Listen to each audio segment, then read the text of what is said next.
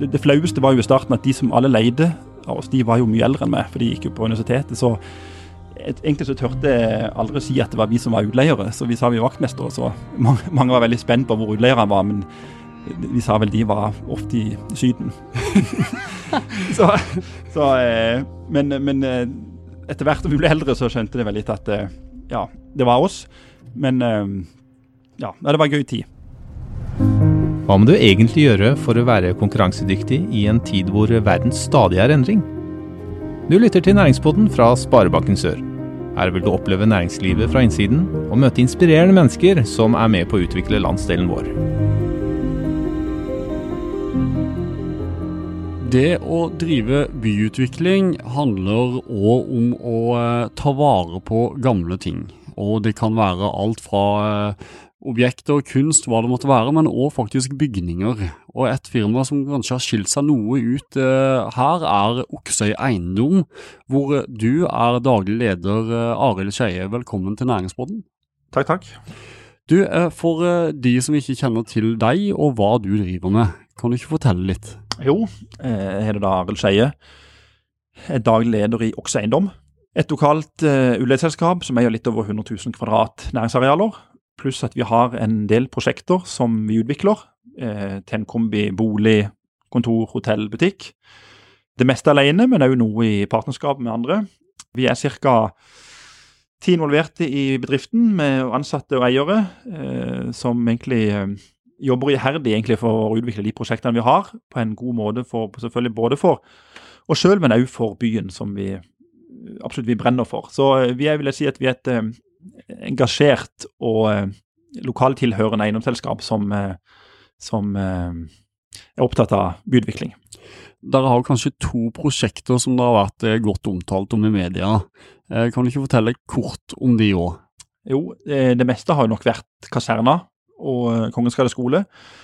Det har vært to prosjekter som har bestått av 80-90 leiligheter hvert prosjekt. Som har egentlig vært kjempegøy, men ekstremt krevende i forhold til tid og egentlig litt usikkerhet og risiko òg, som du får i gamle bygg. Eh, men det har vært prosjekter som har jeg tror har vist at eh, vi ønsker å bygge kvalitet på de prosjektene vi har. At vi er opptatt av å ivareta eh, de historiske, fine byggene.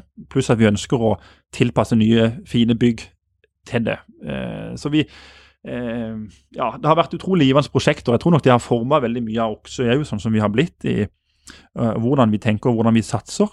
Eh, så, jeg tror, selv om det var nok litt tilfeldig, vi begynte på kaserna for, for, fem år siden, så tror jeg egentlig det har eh, forma også mer enn det vi kanskje forutså. Men du, eh, veldig artige prosjekter. Jeg vil eh, litt tilbake til din historie, Arild. Eh, for eh, du var jo ikke gamle karen når du begynte som eiendomsinvestor, stemmer ikke det? Nei, jeg var vel 18-19, tror jeg. Ja. Hvordan starta det hele? Nei, det var nok at eh, min stefar har som sagt drevet med eiendom en del år. Eh, så hadde de et bygg på, på Lund med, med 23 leiligheter som eh, de ville selge det, at det var i år 2000.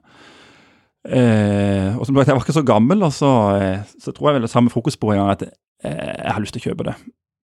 Og så, så tror han ble litt paff. Jeg tror ikke han helt tenkte så mye mer over det før han liksom Jeg tror han gikk litt opp for han og tenkte at shit, jeg mente det. Og da begynte vi å jobbe litt med det på om det faktisk var mulig. Og så tørte jeg den gangen der liksom, det, var, det var del, eh, Jeg visste det var en del jobb, så han spurte om jeg ville ha med meg en. Og jeg eh, tok med meg en kamerat på det, som vi gjorde det sammen. Og da var vi, ja, jeg husker det var i år 2000, så gikk vi da i banken, Sparebanken Sør eller Sparebanken Pluss og søkte om et lån på 80 millioner kroner. Eh, mot at vi måtte, jeg måtte vel selge bilen og eh, måtte gå på kurs og lære regnskap, og vi måtte vaske og gjøre all oppussing sjøl. Det var liksom kravet for at vi skulle få kjøpt dette. da. Så eh, jeg var vel sikkert en av de tenåringene som hadde størst lån på den tida i Kristiansand, tror jeg. Men eh, vi satsa, og vi fikk en veldig god backup av, av Rune og Per Arne, som var, eh, hjalp oss til at vi fikk kjøpt det bygget. Og det, og det var litt sånn parallelt videre, så eh, hadde vi det firmaet og kjøpte noen leiligheter. Og det, når jeg begynte å studere på, på UiA, så var det òg at vi, vi jobba med dette parallelt. Så jeg kan si, mellom de tidene vi studerte, så så jobba vi alle ferie, så vi pussa opp alle leilighetene sjøl. Og eh, Ja, det var, det det var sjelden ferie. Og på, på det verste så jobba vi vel 42 timer i strekk for å bli ferdig på det, på det ene bygget vi hadde til studentene kom i august. Så vi hadde vel ca. 70 utleienheter på det meste når vi kutta i 2009, da når vi var ferdig student og begynte i Oksøy. Men du, eh, du virka som en ganske sikker eh, 18-19-åring da når du gikk i gang med at dette her skulle du gjøre. Har du, har du alltid visst at det var eiendomsinvestor du skulle bli? Nei, men jeg har nok alltid trodd at jeg skulle jobbe med, med handel. altså Fra jeg var, fra jeg var eh, ni år, så har jeg hatt butikk i gata der jeg vokste opp i Torsgata. Så det hadde eh, Ja, jeg fant alltid kreative måter å selge ting på, så jeg tror nok alltid har, interessen har vært der.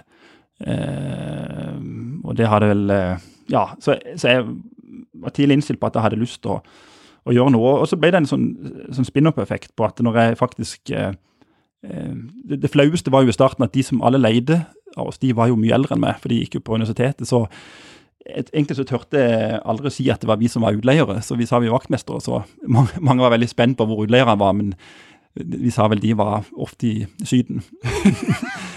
så, så, eh, men, men, eh, etter hvert som vi ble eldre, så skjønte det vel litt at eh, ja, det var oss. Men ja, det var en gøy tid. Men si meg en annen ting. Det er jo Nå kan jo ikke jeg altfor mye om denne bransjen her, men det jeg lurer litt på, er jo Jeg har av og til hørt at det å bygge nytt er billigere enn det å restaurere. Allikevel så, så, hopper dere på de gigaprosjektene her midt i Kristiansand sentrum. Ja, ja. Fortell meg, hva, hva, hva, gjør dere med det? Nei, altså det er helt riktig det. Det har begge de, både kaserneprosjektet med gammelt og nytt og Kongens vist at det, det er definitivt dyrere å rehabilitere de gamle byggene. Men, eh, men så har det, også ikke minst tida rundt det har vært ekstremt mye mer. Eh, sånn som nybygg. Jeg tipper fordelinga er på, på, Kongens med internbruk av eh, gamle bygg og nybygg, så er det nok en, en 90-10. 90, 90 av ressursene internt har gått på gamlebygget, og 10% har gått på nybygget. som ja, vi, vi har, jeg tror nok vi kanskje vi kommer til å tenke oss om om vi, på, om vi hadde gått på, på et nytt tilsvarende prosjekt. Men vi har hatt to gøye, veldig gøye prosjekter. Da, da er liksom på en måte Vi er jo, vi er, vi er, altså vi er jo veldig opptatt av, av kvadraturen og utviklinga av, av, av, den, og ikke minst ta vare på historien vår. Det, vi syns jo, selv om vi syns det er fornøyd med nybygg i Dronningen, så er vi syns jo kongen er et finere og flottere bygg. Eh, og ikke minst kvalitetene med innvendige høyder. og det, det, er typisk sånn at Du har ikke råd til å bygge det i dag. Vi har jo 3,5 eller tre, 350-380 innvendig takhøyde. Det bygger du ikke da. Da får du inn en ekstra etasje. Sånn er bare mekanismene. Jeg tror nok det har vært vårt engasjement og, og det virkelig gøye med å gjøre noe ut av eh, de historiske byggene vi har. Og det Sist nå med, som sagt, med gymsalen. det er klart at det, En hadde jo ikke fått til den driven her med et nybygg med 240 høyde. Her er det Alle har et forhold til gymsalen. Ja, jeg tror det blir veldig spesielt, da. Der er jo noen som ikke bor og har like sterkt forhold til eh, Kristiansand sentrum av lytterne våre. og Til de kan du ikke fortelle litt kort om det med gymsalen og Kongens eh, gate? Jo, Altså, eh, Kongens gate skole er jo et av Kristiansands eldste skoler i Kvadraturen. Det ble vel påbegynt i 1890-1891, og det ble ferdigstilt i, i 1899. Eh, Jeg lurer på om det var til den nette sum i den tida, 120 000 kroner. Vi har, vi har, brukt mer enn det, kan du si. Det er vel ca. 2-3 millioner i dagens kroneverdi, så det, det, det skiller jo en del. Men det er jo en skole som ligger ca. 250 meter i luftlinje fra Torvet veldig mange har jo et forhold til Kongens gate skole. for de, Det er både mange foreldre og barn som har faktisk gått på Kongen. Sjøl så hadde jeg vel faktisk eh, noen fag her en periode. Eh, eh, så jeg tror, jeg tror, veldig mange er sterkt tilknyttet til Kongens, og kanskje enda flere har et forhold til, til Kongens enn kaserna, som et prosjekt de faktisk har et forhold til. Og vi har jo fra, egentlig fra starten så har vi jo fått inn veldig mange som har gått på skolen for å høre litt historier. og prøvd å fått et, Vi har hatt møte med gamle rektorer her, og vi har fått eh, gamle dokumenter, vi har kjøpt bilder. Eh, så vi, vi, har liksom, vi har egentlig sett hva egentlig Kongens skole har betydd for veldig mange i Kristiansand. Og da veldig mange har Før vi begynte, så var det veldig mange som ønska inn og se på gamle klasserom. Eh, og veldig mange som ønska reunionfest. Eh, problemet var jo egentlig at vi, vi, gjorde det på noen, men noen av de begynte å bli så gamle at de glemte jo å låse på kvelden. Så, så eh, vi, vi, måtte rett og slett kutte det. Men, men eh, nå håper jeg heller at gymsalen med en god restaurant der kan gjøre at folk kan oppleve Kongens Gade skole på, på, en annen måte enn det når de gikk her, da. Men når vi kommer inn på gymsalen, Arild, så nevnte du her i, forkant av intervjuet uh, litt en, en, historie rundt uh, byggeprosessen her. Da, og da kommer vi litt på sånn det å restaurere noe kan jo by på litt sånn uforutsette uh, utfordringer, da. Kan du ikke fortelle litt om det? Jo, altså på, hvis du tenker gymsalen isolert sett, så var jo det de, de eh, første problemene begynte jo egentlig med, eh, med kjelleren. Vi var avhengig av å få til en kjeller. altså Grunnflata på selve gymsalen er ca. 200 kvadrat. og Skulle vi få til personalgarderober, kundetoaletter, kjøl, frys, vinkjeller, var vi avhengig av å grave. Og det er jo, her er det jo bare sand. Og vi var ikke noe motivert for å inn. Vi kom ikke inn heller med en maskin for å Eh, og grunnmuren er jo egentlig bare stabla stein. Så vi begynte med å prøve oss en 45, 45 graders vinkel, og i det stille så plutselig så vi to stein som kom ned. Det endte med at vi måtte ta en litt sånn nabokattmetode og ta rett og slett ta meter for meter og støype. Så det gikk ganske lang tid, men eh, vi var helt avhengig av det til den kjelleren, så det måtte vi gjøre uansett. Eh, så, så, kom vi egentlig opp i høyden òg, og så var det en diskusjon Nå har du jo sett litt av lokalet i dag, men da ser du at vi har spart på de Det var jo en gammel himling her, to lags himling, eh, som vi tok ned. Eh, og da hadde vi, så vi egentlig hvor flott det taket var, for det var urørt fra, fra 1899 så hadde vi en dialog med byantikvaren Helge Solli og sa at vi må få lov til å isolere på oversida, for dette må ivaretas. Eh, og han har egentlig vært veldig behjelpelig og veldig løsningsorientert i hele prosjektet. Eh, og så hadde vi en diskusjon bl.a. med Sveko i forhold til kan vi beholde gamle teglvegg. Det skal jo egentlig isoleres, men vi, mist, vi, vi så jo at eh, gymsalen vil miste sitt preg hvis vi må skjule all teglstein med gips, bakla gips. Så der har vi bl.a. utfordret Sveko og veldig mange på at vi faktisk eh, kan beholde det. Eh, og det har vi egentlig fått til så mye vi kan nå. Og så har du sett at vi fra gammelt da, så var, eller fra veldig gammelt da, så var gymsalen eh, Den ble fyrt opp med bare en sånn vanlig ovn, kakkelovn. Det har vi jo egentlig satt tilbake. Ikke, dog ikke samme ovn, men, men, eh, men der den opprinnelige ovnen sto. Så hadde vi litt utfordringer i forhold til å lage opp nye vinduer. Noen plasser har vi satt inn vinduer som ikke var vindu opprinnelig. Eh, så det var litt utfordringer med bæringer, men vi, vi, vi sto veldig hardt i forhold til de prosjekterende på at eh, det antallet vi har, må vi få til. Eh, så det har vært mange diskusjoner, og, men jeg tror alle, både vi og de som har vært involvert i prosjektet, tror at det har blitt løst på en veldig god måte. Men vi har hatt gode, gode runder med, med, alle, og jeg tror vi har liksom, alle har tråkket seg til for å få en god løsning for gymsalen. Det virker som dere er ganske opptatt av å bevare en form for, eller historien her òg, da. Eh, kan du ikke fortelle litt om hva som er så viktig med det for dere? Nei, For oss er det jo, eh, sånn som dette, som jeg sa innledningsvis, så er det jo prosjektets historie og gymsalen for eksempel, historie som faktisk eh, er det som egentlig skal jeg si for noe, som, som har følelser her. Det er egentlig Det er sjel i lokalene her. Jo mer vi hadde gjort, jo mer hadde vi ødelagt med gymsalens sjel. Eh, og jeg tror Vi har diskutert litt at eh, gymsalen ligger 200 meter ifra torvet, og det er at skal vi gjøre noe spesielt i Dronningens, så var, vi, eh, så var det viktig for oss å ivareta historien på hvordan det var. For det var når vi begynte å grave og begynte å kakke ned puss på vegger og begynte å ta ned taket, så så vi egentlig hvor flott og hvilken sjel egentlig gymsalen har. Og det, Vi trodde det kunne bli bra tidlig, men vi kunne ikke se at det ble så bra som det, som det ble. Så jeg tror, jeg tror, det er helt avgjørende egentlig for å lykkes med, med lokasjonen. Men dette her er jo gamle bygg, eh, veldig gamle bygg. Og det å bevare en historie har en verdi, men jeg vil òg tro at det er en sånn utfordring med tanke på miljøaspektet. da. For det at du skal, eh, du har visse krav i dag, vil jeg tro, på de har bygget her òg, til å, å ivareta liksom varme og isolering og den type ting. Hva slags tiltak gjøres på miljøsida her? Jeg typisk litt my mye på energi òg her, tenker du da. Men ja. eh, eh som sagt, tidlig hadde vi, som vi hadde på kaserna, så hadde vi ned, nede Sintef for å ta en vurdering av bygget, egentlig. På, på, hvordan vi skulle gjøre dette riktig. For her er det jo, som du sier, det er halvannensteins teglvegg. Eh, så det vi har gjort på leilighetene, så fikk vi egentlig en beskrivelse fra de, en rapport på hvordan det skulle bygges i forhold til lufting på tak, i forhold til vegg, isolasjon. Så det vi, det vi, det vi gjorde, vi, en, fikk, vi, har jo egentlig fulgt den slavisk, men vi har fraveket det på, på gymsalen, rett og slett. Det hadde vi en runde med dem på at vi tør, vi tør å gjøre, og vi eier jo lokalet sjøl, så om det skulle skje noe der, så får vi jo heller gjøre noe i ettertid. Men det vi generelt har gjort på miljøet, da, så har vi jo vi prøver, jeg håper i hvert fall etter hvert nå at vi blir selvforsynt med egen energi. Vi har jo lagt eh, ti kollektorbrønner på ca. to kilometer.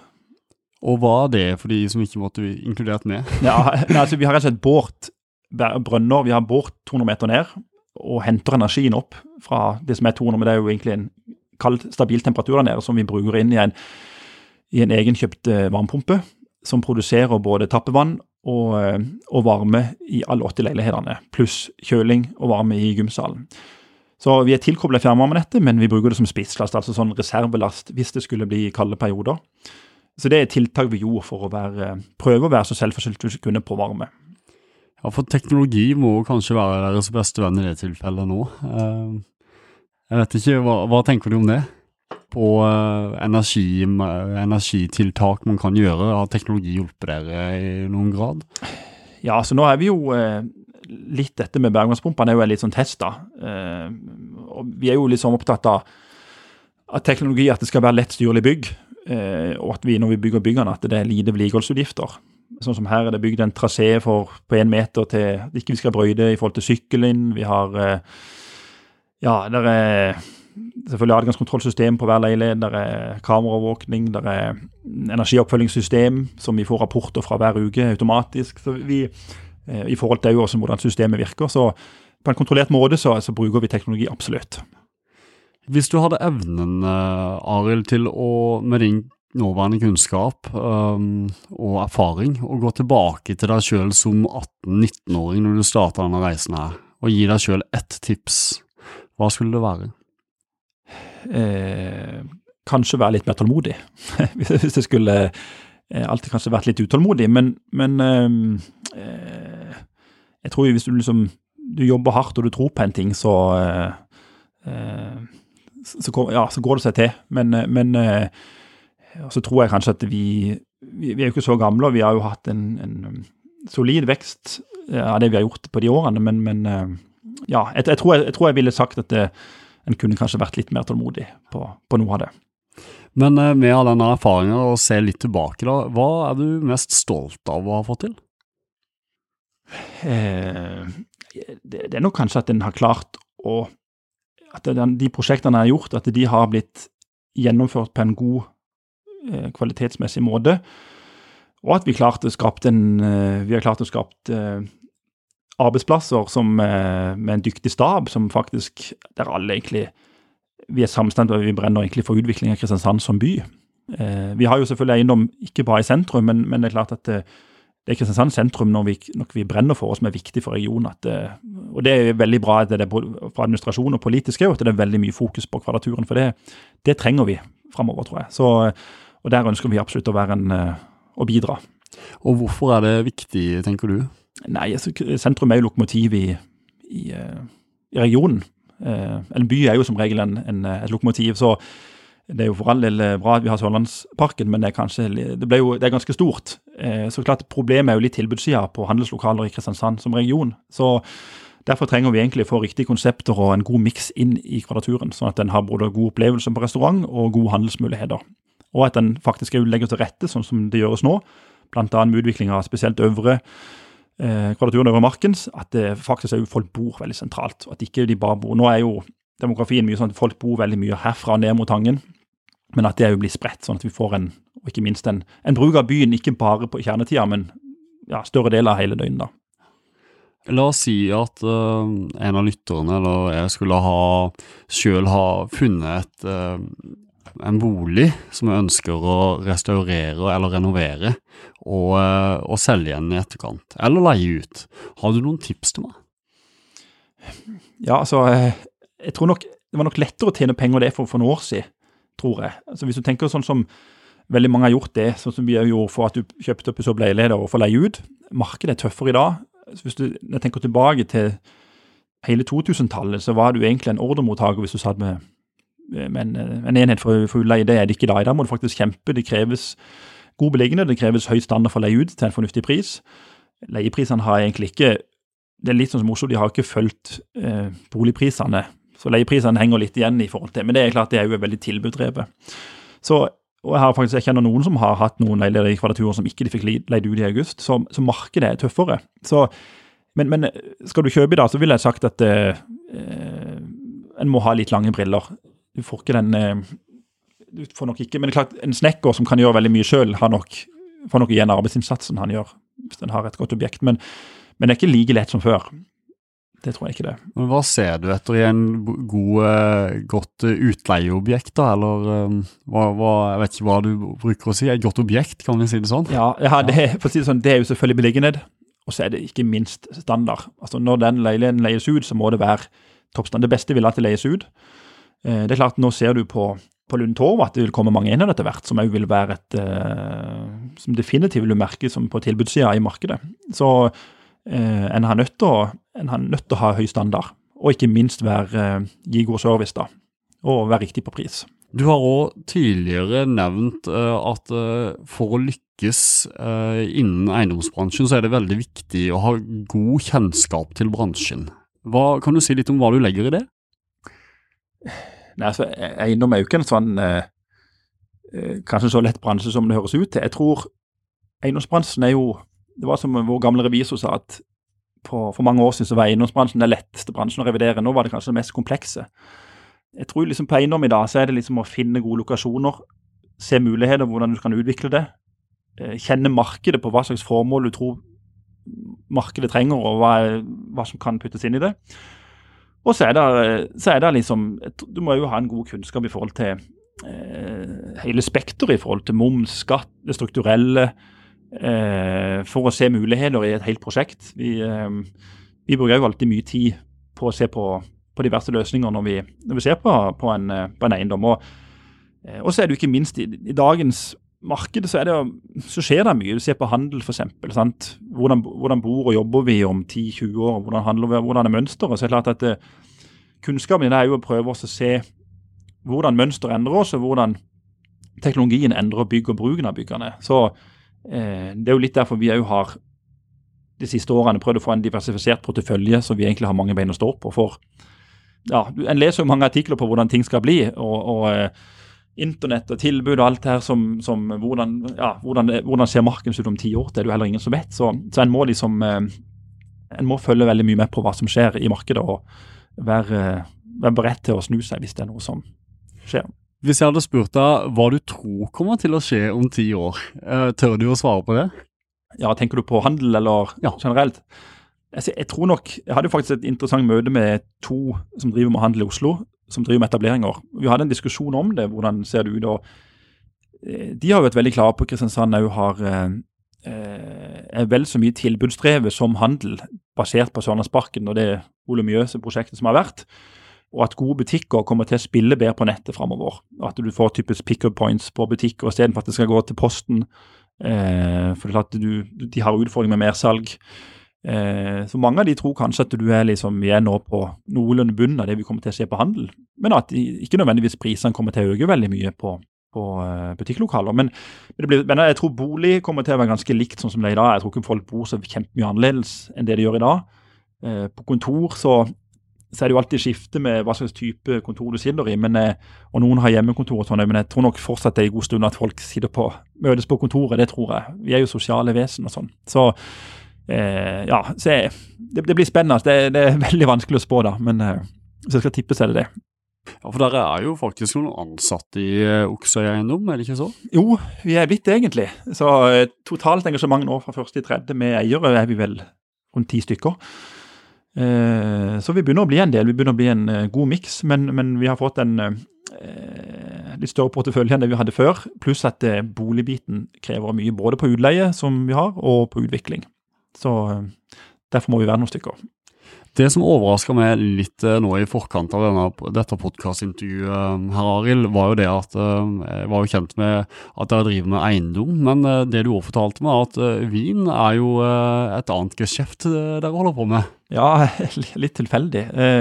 Det var jo litt, litt, litt tilbake til historien med, med smak og behag. Så oppsøkte vi jo Hans Petter som er driveren da, i Grimstad, for å høre om dette kunne være alternativ. Vi hadde to tilbydere. Eller tilbydere, vi hadde to etterspørsler på lokalet, og det var typisk ting som hadde eh, ja, som ikke du hadde merka i Dronningens i dag, som ikke bidro verken til byen eller til prosjektet. Så vi ønska virkelig å få til noe. Vi hadde jo dialog med noen, men, men vi var aldri liksom så nærme. Så vi tenkte smak og behag. Vi kjørte bort, eh, hadde et møte med han, og han var litt sånn lunken, men vi ba iallfall om å ha et møte her, og det var han eh, positiv til. Og da begynte en sånn tre måneders å rulle til at vi faktisk ble enige om å hoppe i dette. Og Da var det litt sånn gimmick at eh, personlig så har jeg nok en eh, kanskje oversnittlig interesse for vin. Eh, og vi sa tidlig til han i, eh, i forhandlingene òg at vi ønsker virkelig å være med og bidra. Dette er ikke et prosjekt vi gjør for å tjene penger, men vi gjør det for å bidra til prosjektet og til byen. Eh, og Da sa vi òg ganske tidlig at vi er villige til å etablere et eget selskap for å investere i vin. Sånn at du både har konseptet deres, som vi tror er bra, du har spesielle lokaler, og du har en vinkjeller. Eh, som et substitutt til det de har. Så det er klart det, det blir en todelt kjeller, at vi kjøper inn litt mer spesielle ting, og de beholder melk og brødvin. Og så, så blir det ei samla liste. Eh, og der har vi jo vært eh, to stykker som, har, eh, som handler vin inn på vegne av dette selskapet. Da. Så det har jo vært en gøy ting når vi, eh, som jeg håper òg blir godt mottatt av folk. da. Så en uh, fin liten miks uh, der, altså. Ja, men det var klart, det er nok ikke noe sånn uh, det, det, har nok vært litt spesielt pga. dette prosjektet, på at vi virkelig har brent for at dette skal lykkes. Og, og da føler vi iallfall vi har gjort det vi kan for å legge til rette for at det skal bli en god drift der. Du, um, dette her kalles jo Næringspodden, og et fast spørsmål vi har helt på slutten av hver episode, det, det stiller vi som følger. Hva gir deg næring og inspirasjon, Arild? Oh, det er egentlig eh, Det er vel egentlig hverdagen jeg kommer på jobb egentlig med alle de gøye tingene vi holder på med, egentlig, vil jeg si. Altså, for min del så er hver dag å stå opp det er jo ikke, eh, ja, Jeg er vel så glad i mandag som jeg er i fredag, for å være helt ærlig. for det Ei uke på jobb eh, gir meg mye. Vi har kjempemye spennende på gang. Vi har mye positiv tilbakemelding på det vi gjør. Eh, og det gir oss egentlig, jeg tror jeg gir hele organisasjonen næring. Og ikke minst så har vi det veldig gøy på, på jobb. Så jeg, jeg, tror det må eh, jeg tror det må være det som gir mest næring i løpet av en arbeidsuke. Veldig bra. Du, da vil jeg egentlig bare si tusen hjertelig takk for denne hyggelige og interessante praten, Arild. I like måte. Og takk for at du stilte i Næringspodden. Bare hyggelig. Du lyttet nettopp til Næringspodden av Sparebanken Sør. For flere episoder, gå inn på sor.no slash podden. Her kan du gi ris eller ros, samt tips til andre næringsdrivende vi bør intervjue.